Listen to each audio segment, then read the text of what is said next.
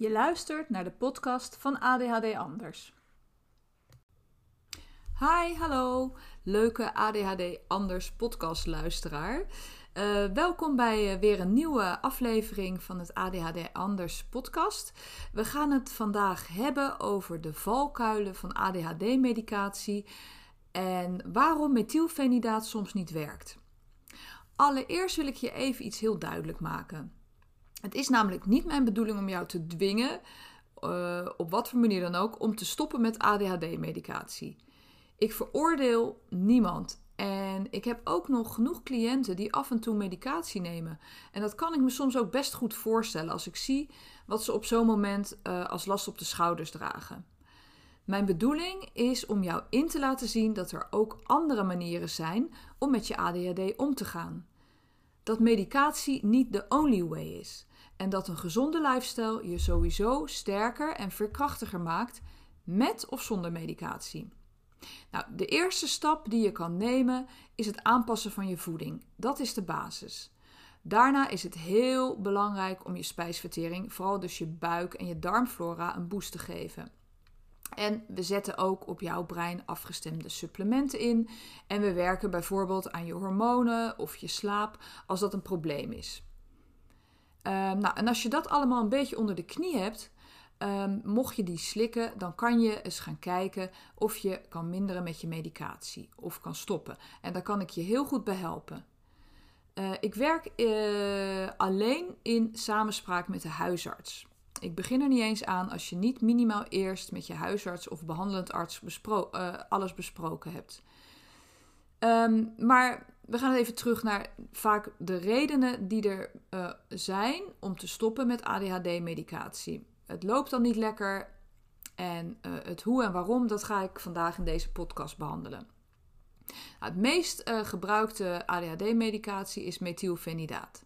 En dat is bekend onder de merknamen Ritalin, Medicanet en ook bijvoorbeeld Concerta. Het verschil zit hem vooral in de afgifte. De ene is wat langer werkzaam dan de andere. Nou, dan hebben we het eerst maar eens over de voordelen van de ADHD-medicatie. Het remt de heropname van dopamine en noradrenaline. Dat betekent dat je op papier meer focus en concentratie gaat krijgen en dat je minder stressgevoelig wordt en dat je minder snel over de rode gaat. Het geeft ook een bepaalde prikkeldemping en dat is de reden waarom mensen vaak rustiger worden van methylfenidaat. Maar het kan bij sommige mensen juist veel stress veroorzaken en dat kom ik vaak tegen. Want bij mij komen natuurlijk uh, wel heel vaak vrouwen uh, over de vloer die juist van de medicatie af willen of niet aan willen beginnen of willen minderen. Nou, er zijn een paar redenen aan te wijzen, wijzen die uh, juist voor die stress zorgen. Het kan te maken hebben als eerste dat je een genetisch defectje hebt. Een heel klein foutje in je genetisch materiaal. En dan zal je vast wel gemerkt hebben dat er ook andere medicijnen of supplementen zijn waar je mee moet oppassen. Uh, dat die nogal hard kunnen binnenkomen of dat je er gewoon niet goed van wordt. Het kan ook zijn dat je last hebt van een enorme glutamaatdominantie. En glutamaat, daar heb ik het al vaker over gehad, dat is uh, het gaspedaal. En als je een dominantie hebt van glutamaat, dan heb je geen rem meer. Dan geef je dus alleen nog maar gas.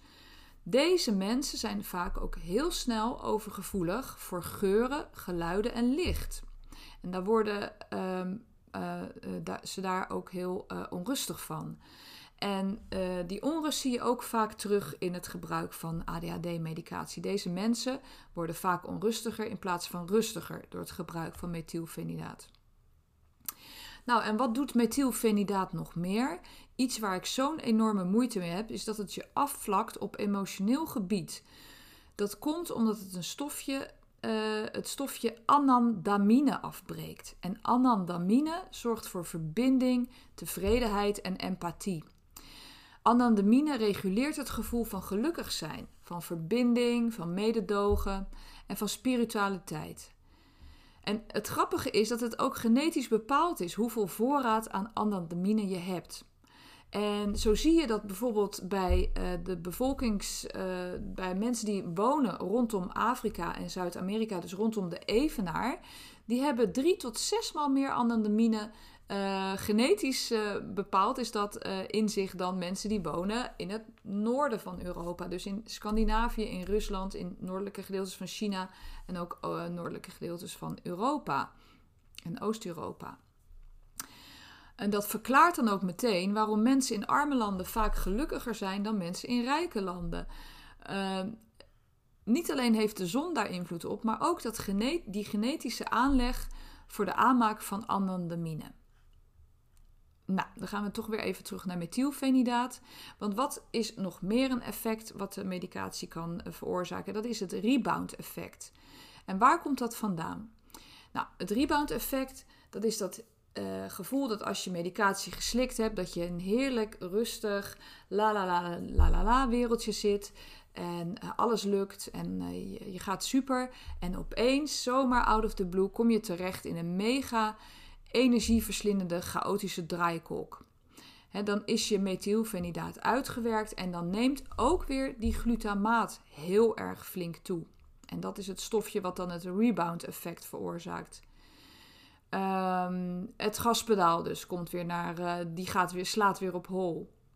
Dan heb je geen rem meer, dan krijg je weer malende gedachten, eventueel slapeloosheid, een enorm overhaast gevoel en zelfs hartkloppingen die kunnen je overvallen. Um, en waarom kan methylfenidaat uh, bij sommige mensen ook niet werken? Omdat er een tekort is aan uh, dopamine-activerende stoffen, zoals bijvoorbeeld ijzer. IJzer, vitamine C en nog een aantal andere vitamines zijn er nodig om dopamine te activeren. En als je daar een groot tekort aan hebt, ja, dan werkt die medicatie uh, eigenlijk haast niet. Of nou ja, je merkt er niet veel van. En uh, eventjes nog tussendoor, als je denkt, waar haalt ze het allemaal vandaan? Um, ik, ik, ik heb dit allemaal gebaseerd op wetenschappelijke onderzoeken. Ik kan je ze allemaal ook laten inzien Mocht je dat willen, stuur me even een mailtje en dan kan je het specifiek aan me vragen. Nou, methylfenidaat is volgens onderzoek niet verslavend. En dat wordt anders als methylfenidaat gecombineerd wordt met middelen zoals antidepressiva. Uh, en het wordt ook vaak voorgeschreven met antidepressiva. En dan kan stoppen met methylfenidaat ineens wel een lastig uh, probleem zijn. En dextroamfetamine, is vele malen sterker dan methylfenidaat. Dex wordt meestal voorgeschreven als methylfenidaat niet meer werkt of nooit gewerkt heeft. Alleen is er een probleem, die verslaving dus. Het is heel snel verslavingsgevoelig. Nou, en dan nog even dit. Wat zijn de lange termijn effecten van het uh, gebruik van methylfenidaat en dextro, dextroamfetamine? Nou, een onderzoek laat het volgende zien. Bij langdurig gebruik vanaf de kindertijd veroorzaakt het op volwassen leeftijd juist meer overprikkeling en minder stressbestendigheid. Daarnaast is heel duidelijk aantoonbaar dat de kans op hartritmestoornissen of andere hartproblemen uh, toenemen. En de kans op Parkinson en Alzheimer neemt echt mega groot toe. Nou, ik uh, ben daar altijd best wel van in shock. En laat het ook even tot jou doordringen uh, hoe heftig het kan zijn op de lange termijn. Um, en nogmaals, hè, ik wil je nergens toe dwingen, maar neem dit mee in je overwegingen als je twijfelt of wilt stoppen of minderen. Um, en dan nog het laatste: zomaar stoppen zonder een goed plan heeft in mijn ogen heel weinig effect. Ik zie dan eigenlijk het uh, ja, bijna altijd wel uh, min of meer mislukken of een terugval komen.